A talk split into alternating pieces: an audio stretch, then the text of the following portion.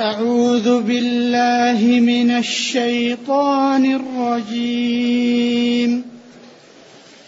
يا أيها النبي جاهد الكفار والمنافقين واغلظ عليهم ومأواهم جهنم وبئس المصير.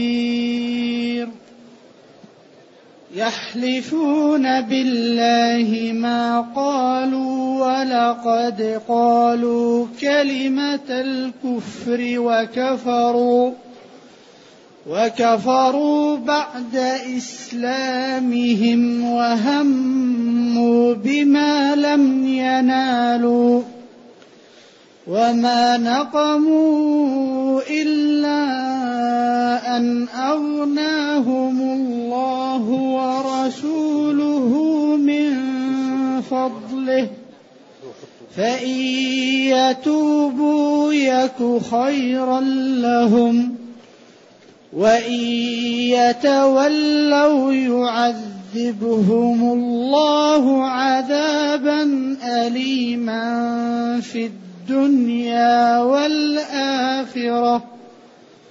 وما لهم في الأرض من ولي ولا نصير ومنهم من عاهد الله لئن آتانا من فضله لنصدقن لنصدقن ولنكونن من الصالحين. فلما آتاهم من فضله بخلوا به وتولوا وتولوا وهم معرضون. فأعقبهم نفاقا في قلوبهم إلى يوم يلقونه بما بما أخلفوا الله ما وعدوه وبما كانوا يكذبون الحمد لله الذي أنزل إلينا أشمل الكتاب وأرسل إلينا أفضل الرسل. وجعلنا خير أمة أخرجت للناس. فله الحمد وله الشكر على هذه النعم العظيمة والآلاء الجسيمة. والصلاة والسلام على خير خلق الله وعلى آله وأصحابه ومن اهتدى بهداه. أما بعد فإن الله تعالى لما بين صفات المؤمنين وبين قبلهم صفات المنافقين وقابل بينهم ووضح نادى نبيه. قال يا أيها النبي جاهد الكفار والمنافقين واغلظ عليهم. يا حرف النداء للبعيد. أي وصل للنداء الموجود فيه ال. وهاء التنبيه والنبي والرسول في القرآن تعبير لشيء واحد.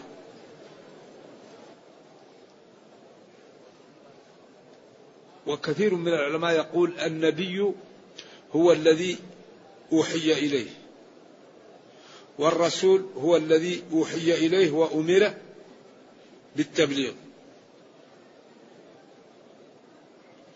فعند بعضهم النبي هو الذي أوحي إليه ولم يؤمر بالتبليغ. أو النبي هو الذي أوحي إليه وأمر بتبليغ رسالة سابقة له. والرسول هو الذي أوتي برسالة مستقلة. والذي يظهر من تعبير القرآن أن النبي والرسول تعبير لشيء واحد. وإن قال جلة من العلماء بخلاف ذلك لأنهم قال كل رسول نبي وليس كل نبي رسولا. لكن هذا نظري. لكن القرآن يا أيها النبي جاهد الكفار. يا أيها النبي قل لمن في أيديكم. يا أيها النبي حسبك الله. يا أيها الرسول لا يحزنك. يا أيها الرسول فتجد أنه تعبير أحيانا يمر فيه للإنباء وأحيانا ينظر فيه للرسالة وهو تعبير لشيء واحد. وهذا الذي يظهر من سياق القرآن. جاهد. جاهد. يجاهد مجاهدة من المفاعلة. والجهاد والمجاهدة هو بذل الوسع فيما تريد. وأكثر ما يقال الجهاد لبذل الوسع لإعلاء كلمة الله. إذا قال الجهاد في سبيل الله أو جاهد فلان أو ذهب في الجهاد أغلب ما يقال في إيش؟ في بذل النفس لإعلاء كلمة الله. هذا هو الجهاد. وقد يطلق الجهاد على غيره إذا قيد. جهاد النفس. جهاد الشيطان. جهاد الهوى. جهاد الشهوة. جهاد الشبهة ولذلك الإنسان ولقد خلق خلقنا الإنسان في كبد. لا راحة في الدنيا. الإنسان يستريح متى؟ إذا دخل الجنة. هذه الراحة صحيح. أما الدنيا ما فيها راحتها تعب وبعدين يعني يقول الهذلي إيش ماذا يقول؟ أيوه. صفا من الأكدار طبعت على كدر. ولذا ما هذه الدنيا بدار قرار؟ فلذلك غير الفاهم هو الذي يركن للدنيا. الفاهم يجعل الدنيا مزرعة لينتقل بها لتوصله إلى إلى المسكن الحقيقي وإلى السعادة الحقيقية. أما الذي يركن إليها هي غرارة. إذا جاهد من الفاعل جاهد الكفار. جمع كافر كفار. والكافر هو الساتر لحقوق الله وواجباته ولوحدانيته والمنافقين تقدم أمس جمع منافق. إذا لما بين كل صفة يا أيها النبي جاهد الكفار والمنافقين بمن اتبعك من المؤمنين. أيوة هذا واضح. بمن معك وبمن أطاعك. جاهدهم بمن معك. الكفار أمرهم واضح. المنافقون أمرهم خفي. واغلظ عليهم. هنا أغلظ عليهم. الإسلام يدعو إلى حسن الخلق.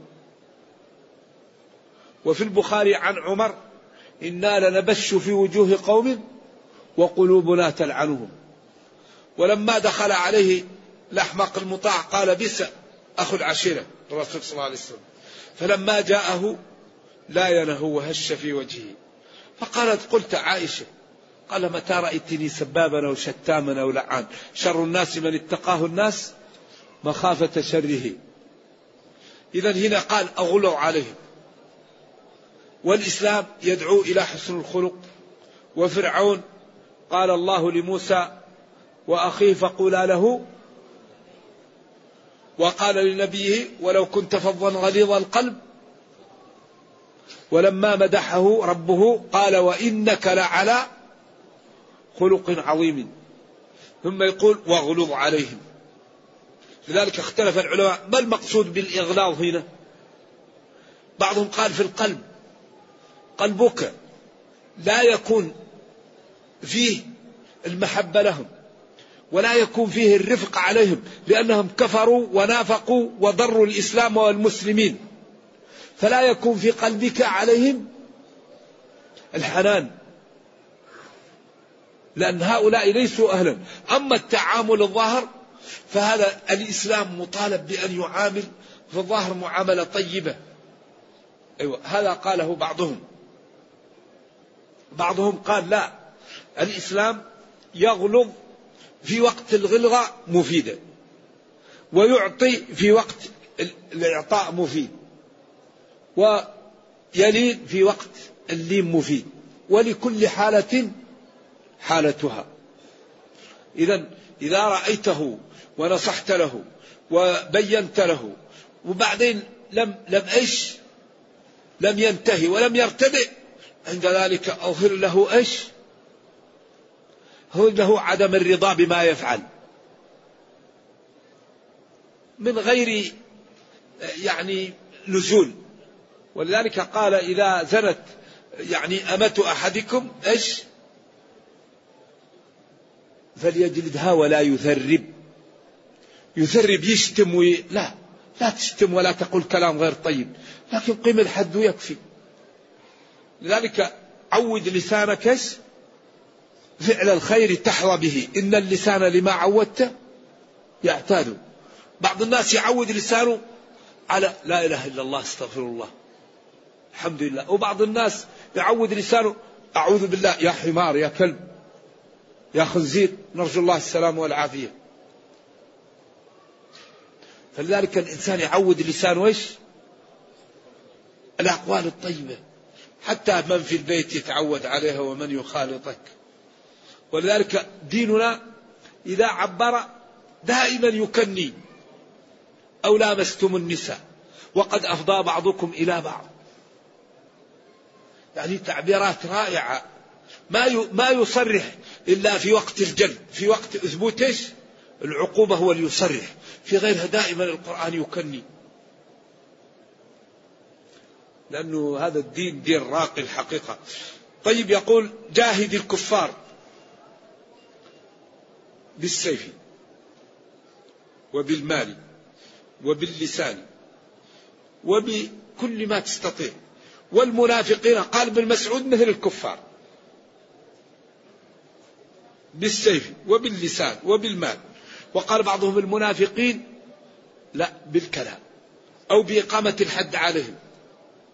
واغلوا عليهم جميعا. قالوا أقل ذلك إن أنك إذا رأيته تكشر في وجهه تقطب لا تنشرح له.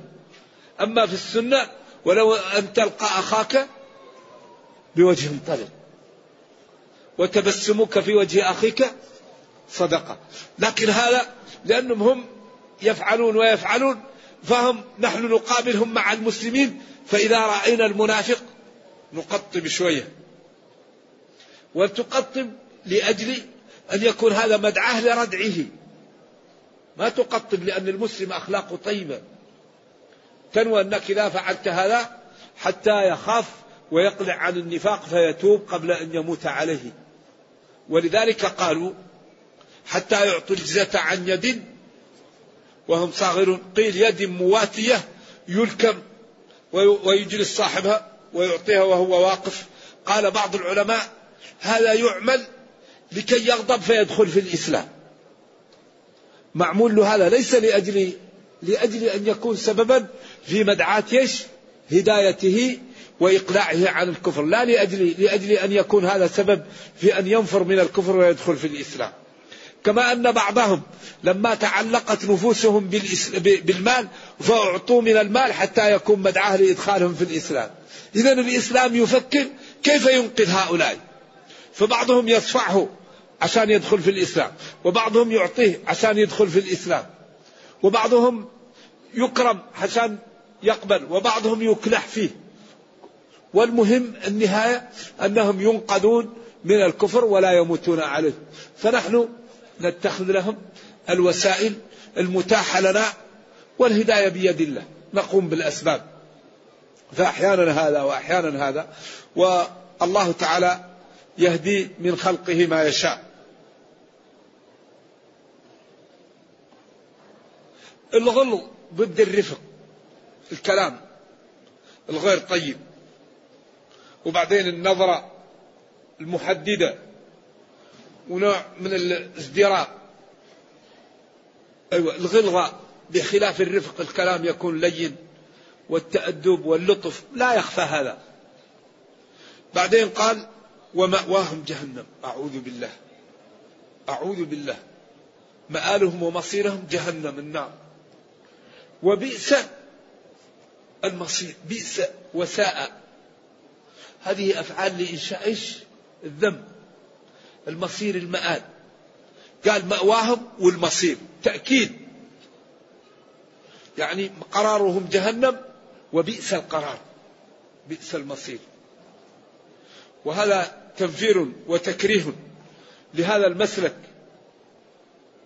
ولما يجره لأصحابه من من الويل. بعدين قال يحلفون بالله ما قالوا.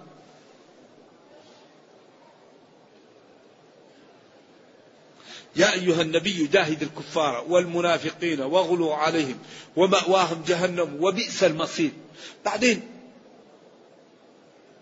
كأنه سائل يقول لماذا؟ نجاهدهم لماذا؟ فكأنه يقول بسبب أقوالهم. يحلفون بالله ما قالوا. هذا بيان لصفتهم وبيان لسبب مجاهدتهم. فيحلفون بالله ما قالوا. هذا بيان لواقعهم وبيان أيضا لما اتصفوا به مما هو مدعاه لإيش؟ لمجاهدتهم. يحلفون. هؤلاء المنافقون بالله. ما قالوا؟ ما نسب إليهم. جلاس. وجماعة معه جلس النبي صلى الله عليه وسلم في تبوك مدة من الزمن. شهر أو شهرين. وكانت الآيات تنزل في عيب المتخلفين وفي وصفهم وفي خطورة الأمر لأن الإسلام بدأ ينتهي وهذه الشريحة كانت تجامل ليدخل في الإسلام. فدخلت الناس في الإسلام وهؤلاء ينبغي أن ينتهي الإسلام وقد كشفوا وقد قضي عليهم. لأنهم كان يقال ما يقال النبي صلى الله عليه وسلم يقتل أصحابه. فكان الإسلام يجاملهم ويأخذهم بما ظهر. الآن أولا هم أظهروا. فبدأ الإسلام خلاص ينتهي. وضح كل شيء. فينسلخ الأشهر الحرم فاقتلوا المشركين. وقاتلوا المشركين كافة. انفروا خفافا وثقالا. إنما الصدقات للفقراء. بعدين بين دناءة هؤلاء وهؤلاء ولا على الذين إذا ما أتوك لتحملهم قلت لا أجد ما أحملكم عليه. لا هذا لهم العذر وهذا لا عذر لهم. خلاص بدأ الدين يكمل وهذه الشريحة خبيثة لا بد أن تعرى حتى تبقى مكشوفة فلا يغتر المجتمع بها. ومع ذلك إذا قال أحدهم أنا ما قلت وأنا ما فعلت الشريعة تكف عنه. لأن هذا الدين مبني على ظواهر الأمور فواحد يقول أنا ما قلت. ويحلف ما قال نكل سريرته إلى الله ونقبل منه ما ظهر لكن يوم القيامة لا يقبل منه إلا الحق. في فرق بين الدنيا والآخرة. الدنيا كل واحد يقبل منه ما أقر به على نفسه فإذا قال ما فعلت وما عملت يترك. فهم هذا لما قال أحدهم لما نزلت هذه الآيات قال إن كان ما يقول محمد صلى الله عليه وسلم حق فنحن أخص من حميرنا. فالجلاس هذا قيل قالها الجلاس وقيل قالها عبد الله بن أبي بن سلول وقيل قالها غيره فسمعه ابن زوجه. قال والله لا رسول الله عشان لا تقع علي مشكلة. فأخبر رسول الله صلى الله عليه وسلم. فجاء الجلاس وقال والله ما قلت شيئا. وكذب علي. قال اللهم إن كان. قاله فأنزل الوحي بذلك. وإن كان لم يقله فأنزل الوحي بذلك. فنزل الوحي.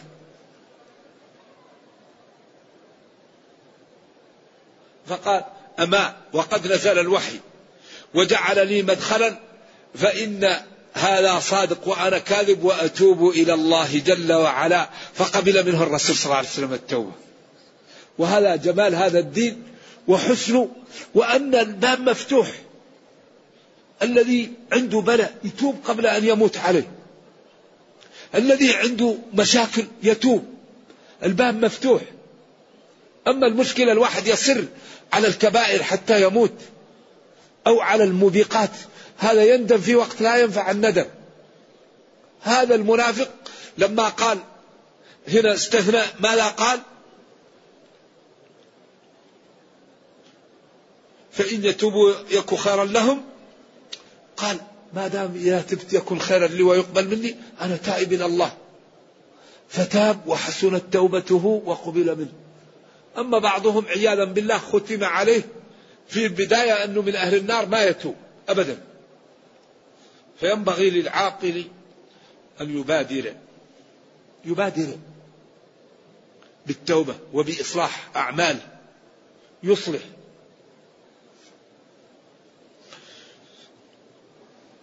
يحلفون هؤلاء المنافقون بالله. الحلف بغير الله لا يجوز ولا ينعقد. ومن حلف بغير الله فليقل لا إله إلا الله. وعمر وجده يحلف قال له قال والله ما حلفت بعدها آثرا ولا حاكيا. عمر كان وقافا عند حدود الله. وورد أفلح وأبيه إن صدق. لكن هذا ليس حلف. هذا مثل تربت يمينك تربت يداك. كلام يقوله العرب ولا يقصدونه.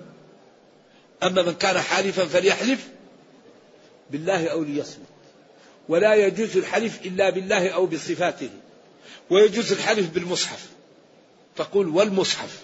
لأن هذا كلام الله وهذه صفة من صفات الله. ينعقد به اليمين. وما يقوله العوام لا يجوز ورب المصحف لا. الكلام الله هذه صفة من صفات الله. يقسم بها. غلط يقوله العوام. نعم.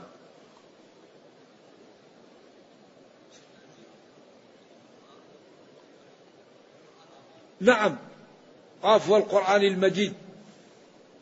لكن لا يجوز الحلف بقاف ولا بالتين ولا بالطور لكن الله يقسم بما شاء. نعم. يحلفون هؤلاء المنافقون بالله مؤكدين ليمينهم. ما قالوا ما نسب إليهم من أنهم قالوا ما رأينا مثل قرائنا. أو إن كان ما يقول محمد. أو غير ذلك مما نسب إليهم. ولقد قالوا كلمة الكفر. ولقد قالوا فيما نسب إليهم كلمة الكفر. وكفروا.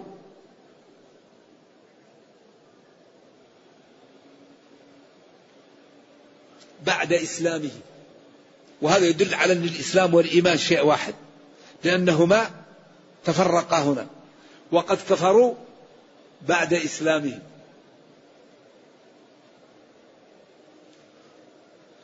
قيل إن الذي قالوا قول عبد الله بن أبي ليخرجن الأعز منها الأذل.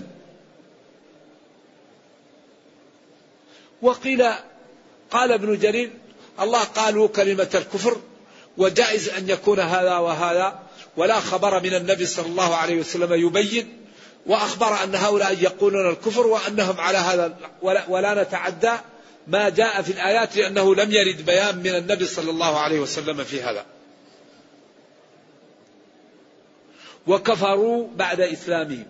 كفروا يعني بعد إظهارهم للإسلام على أنهم إيش؟ أيوة مسلمون في ظاهر الأمر يقبل منهم. فأظهروا الكفر وكفروا بعد أن أظهروا الإسلام. وهموا بما لم ينالوا. قيل هموا بقتل النبي صلى الله عليه وسلم. وقيل هم جلاس بقتل زوج آه ابن زوجته.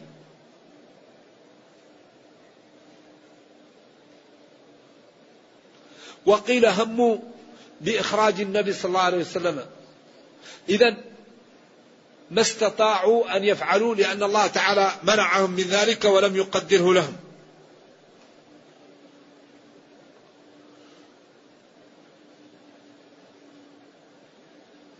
بما لم ينالوا أي بما لم يصلوا إليه.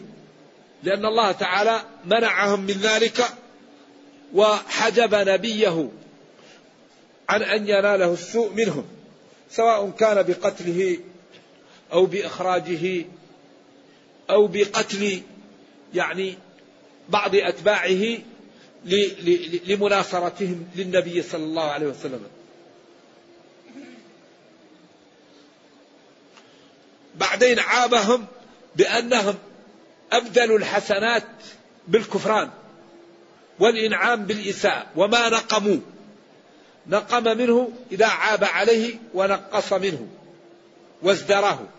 وما نقموا منهم أي وما نقم المنافقون من المسلمين ومن النبي صلى الله عليه وسلم إلا أن أغناهم الله ورسوله من فضله. جاءهم فجعلهم جاءهم وهم متفرقون. فوحدهم الله.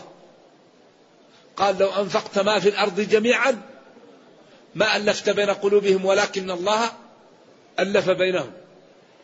جاءهم لا يركبون الخيل ولا يعرفون المال فجاءتهم الخيل والمال والغنائم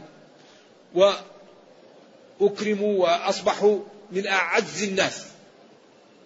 والجلاس هذا مات مولاه فأخذ ديته فاستغنى. أغناهم الله أعطاه الرسول صلى الله عليه وسلم دية لأنه مات له مولا فوداه الرسول صلى الله عليه وسلم وأعطاها لمولاه فأغناه الله. إذا وما نقموا منهم إلا أن أغناهم الله ورسوله من فضله. هذا تأكيد المدح بما يشبه الذنب. ولا عيب فيهم غير أن سيوفهم بهن فلول من قراع الكتائب. هذا ليس عيب هذا مدح. هم نقموا على المسلمين أنهم أكرموهم. هذا أيضا ليس نقم هذا ينبغي أن تكون كرامة على كرامة. لذلك هؤلاء الناس طبعوا على الفساد وعلى الشرارة. فينبغي للمتقين أن يكون لهم عمل جاد مع هؤلاء الشرائح. لينقذوا المجتمع والإسلام منهم. ولذلك لو تفاهم المتقون لا يبقى بينهم إلا متقي لأن المجرم لا يمكن يسكن بين الطيبين. إذا لم يجد أرض يعني يمكن يندس فيها. ولذلك تجد الآن إذا كانت الحوائر أهلها يعرفون بعض وبينهم تآلف أصحاب البلاء ما يقدروا يسكنوا في الحارة. لأن كل واحد معروف. طيب الشكل هذا؟ ما يقدر يعمل شيء. لكن إذا كانت الحارة أهلها لا يعرفون بعضا يأتوا أصحاب الشر ويسكنوا في الحارة هذه ليش؟ ليندسوا ويحاولوا أن يفعلوا شرهم لأن أهل الحارة لا يعرفون بعضا. ولذلك الله يقول كونوا مع إيش؟ مع الصادقين. لا بد أن نعرف الصادقين لنتعاون معهم ولنرفع من شأن الإسلام والمسلمين بمعرفتنا لبعض. إذا هؤلاء نقموا أن الله تعالى أنعم عليهم بمجيء نبيه وبما أسدى الله عليهم من النعم وبما أعطاهم الرسول صلى الله عليه وسلم من المال الذي كان سببه موت لأقربائهم. هذا هو الذي كان سببا في يعني عملهم للسوء. وهذا يدل على دناءتهم وبعدهم عن الخير عياذا بالله وكفرهم. وهذا يحكى لنا لنتجنبه. هذا يكون سببا في إبعاد المسلمين عن مثل هذه الأمور.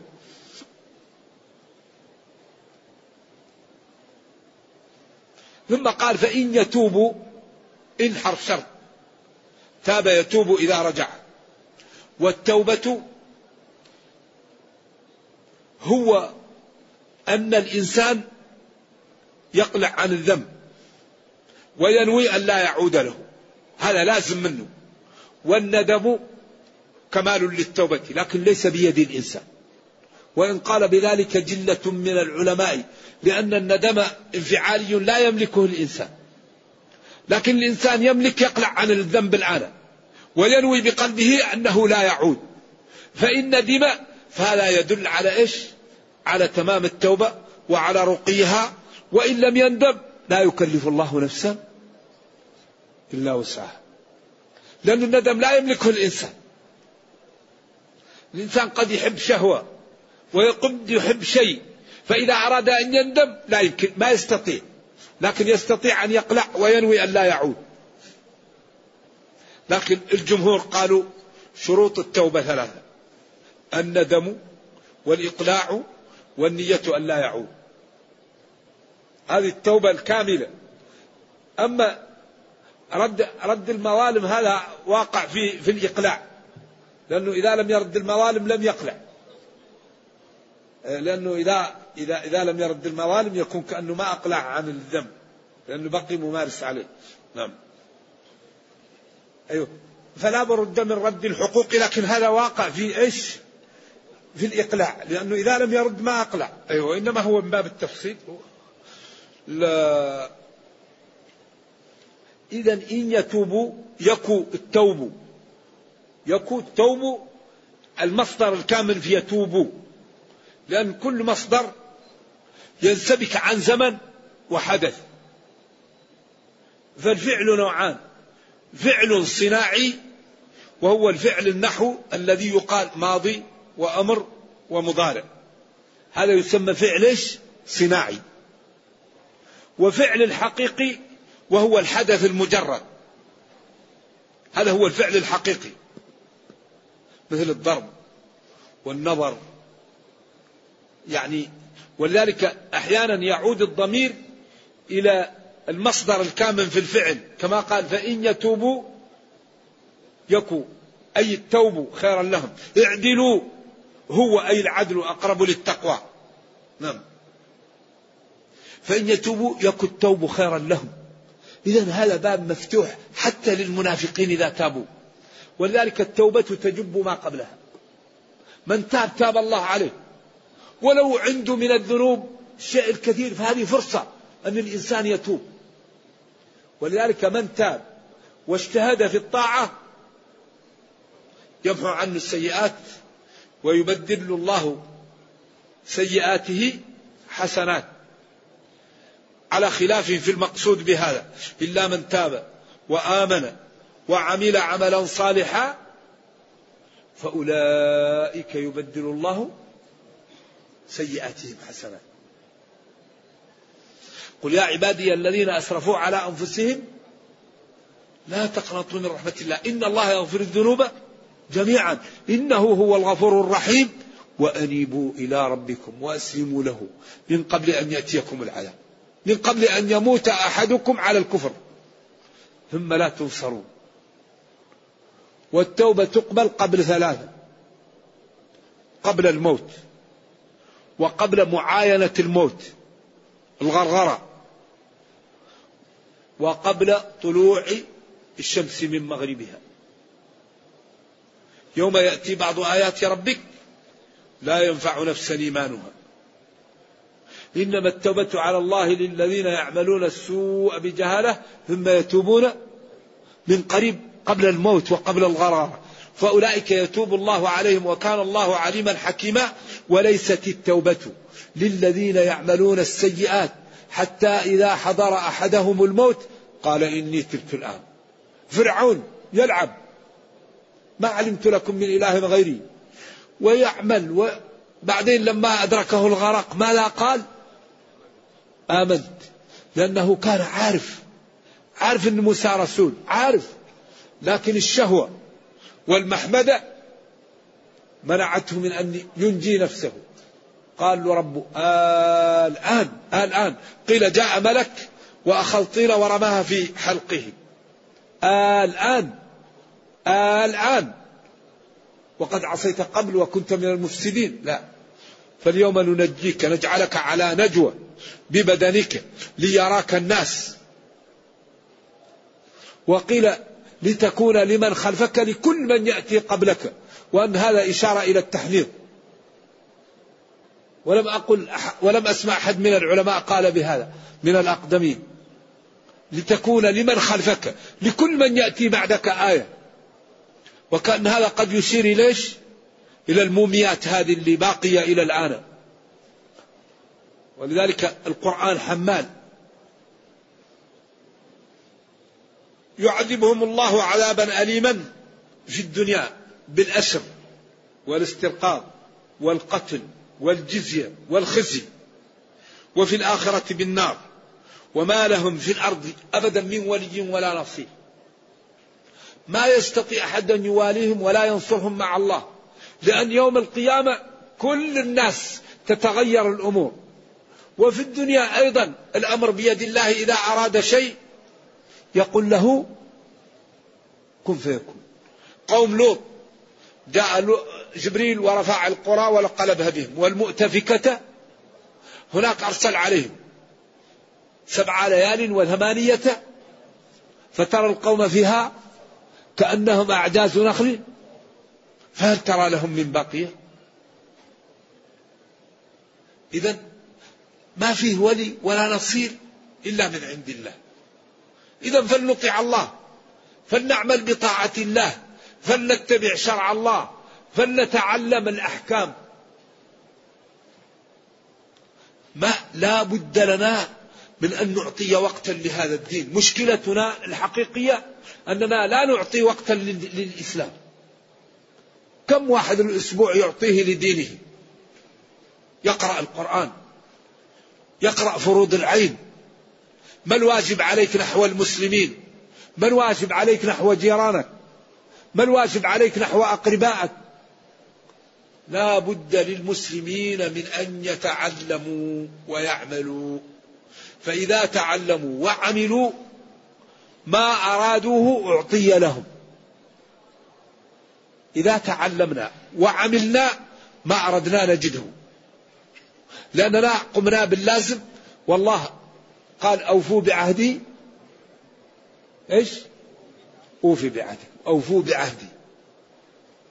كل شيء مبين في كتابنا. تبيانا لكل شيء. أي شيء نحتاجه نفتح المصحف. ما فرطنا في الكتاب؟ قال له تجد فيه من جهل شيئا عدا. قال له نعم. قال له أين هي؟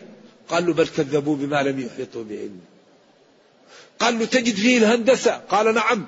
ظل ذي ثلاث شعب. قال تجد فيه الحساب؟ قال نعم. فلبث فيهم ألف سنة إلا خمسين عاما. قال تجد فيه الاقتصاد؟ نعم. الذين إذا أنفقوا لم يسرفوا ولم يقتروا. كل شيء أصول في هذا الكتاب. يعني فحري بنا أن نقرأه وأن نعمل به وأن نتدبره وأن نقف عند أوامره. فننفذها.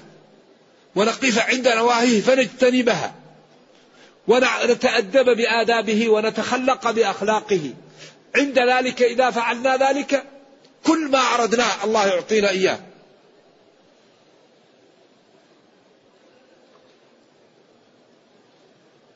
وما لهم في الأرض من ولي الولي هو الذي يواليك وي... و...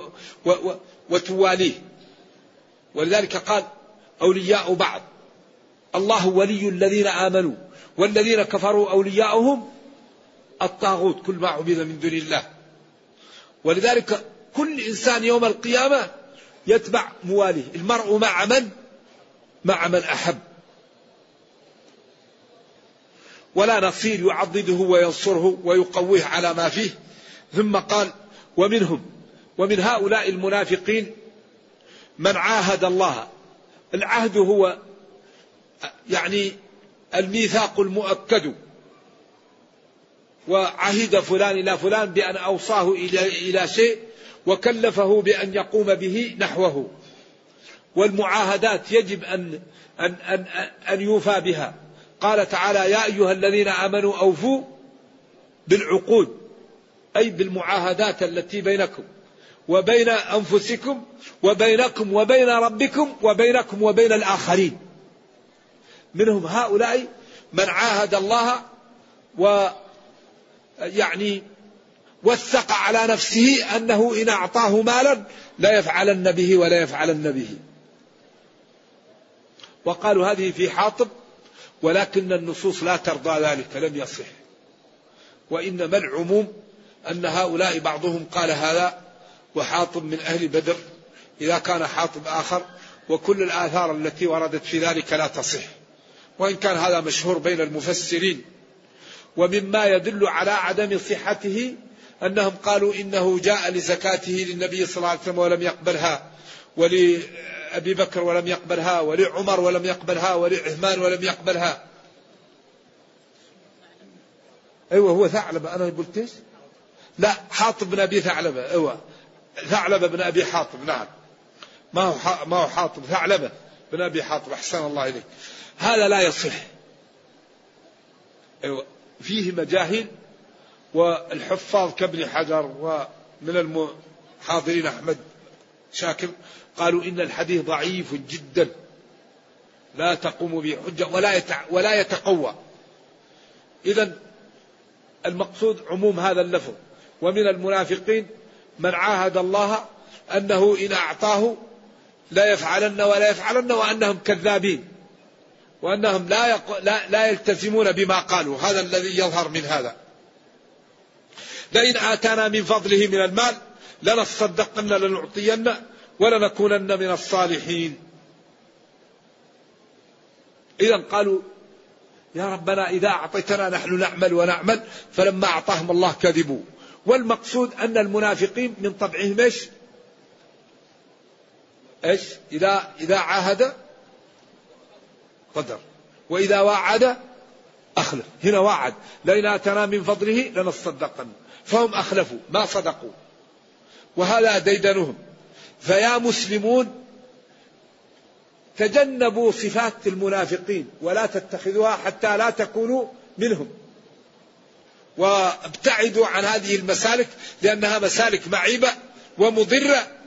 أما المتقون فقد بينا صفاتهم فينبغي أن يجتهد المتقون ليكونوا من أهلها.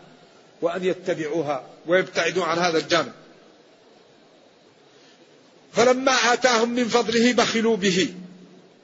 بخلوا بما آتاهم وتولوا وأعرضوا. وتولوا وهم معرضون. التولي هو الإعراض.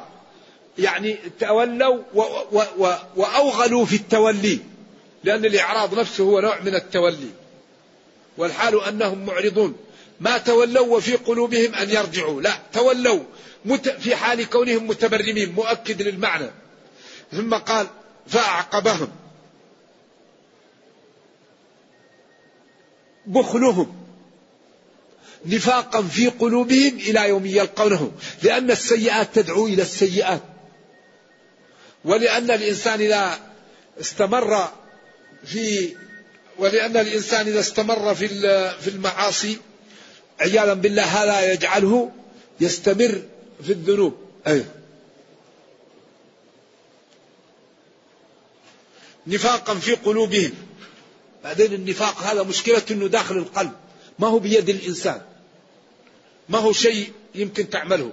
والذي في القلب لا تملكه. يملكها الله. ولذلك إدخال المعلومة في القلب من خصائص الربوبية. الإيمان يزرعه الله. العبد لا دخل له في هذا. يسأل الله وينطق ويعمل. لكن إدخال المعلومة في القلب ما يملكه إلا الله.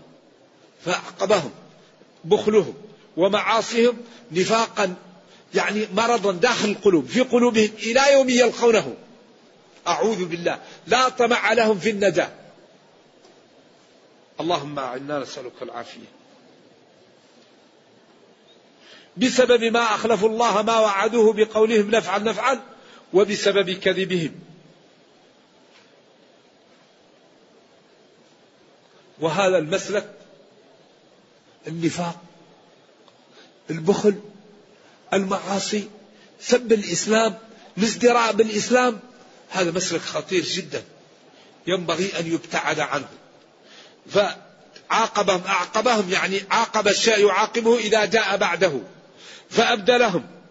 ما كانوا يظهرونه من الدين نفاقا في قلوبهم ويستمر معهم إلى يوم القيامة. هذا عياذا بالله حكم عليهم بالطبع. كما قال لأبي لهب سيصلى نارا ذات لهب بسبب ما أخلفوا الله ما وعدوه بسبب ذنوبهم وبما كانوا يكذبون وبسبب كذبهم.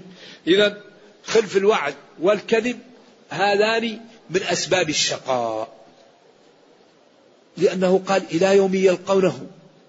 ومن أكبر أسباب سلب الإيمان مقارفة الذنوب والدوام عليها وقد يخاف صاحب العصيان عند الممات سلب الإيمان. قالوا أكبر خطر على الإنسان مداومة اقتراف الذنوب لأن هذا يجعله يموت على الكفر عياذا بالله. فينبغي لنا أن نكثر التوبة وأن نكثر الاستغفار. وأن نعمل بطاعة الله تعالى. ونسأل الله التوفيق والتثبيت. ونبتعد عن مسالك الكافرين والمنافقين لأنها مسالك عطب وخطورة. ونحاول أن نعطي وقتا لديننا. الذي يعيش بين المسلمين لا يسامح في جهل فروض العين. قال العلماء من عاش بين المسلمين وجهل فرضا من فروض العين لا يسامح فيه. ألم تكن بين المسلمين؟ الذي لا يصلي صلاة صحيحة لجهله لا يسامح. الذي لا يتطهر طهارة صحيحة لجهله لا يسامح لأنه بين المسلمين. الذي لا يصوم صوم صحيح لا يسامح لأنه بين المسلمين. لكن الإنسان الذي يوجد في بلد لا, لا يوجد فيه مسلم إلا هو إذا جهل شيئا أو لم يعرفه لا يعذب. وما كنا معذبين. فلذلك ينبغي لنا أن نتعلم ونعطي الوقت للعلم ونسأل الله الهداية وأن لا يميتنا إلا على الإسلام. نرجو الله جل وعلا أن يرينا الحق حقا ويرزقنا اتباعه وأن يرينا الباطل باطلا ويرزقنا اجتنابه وأن لا يجعل الأمر ملتبسا علينا فنضل. سبحان ربك رب العزة عما يصفون وسلام على المرسلين والحمد لله رب العالمين والسلام عليكم ورحمة الله وبركاته.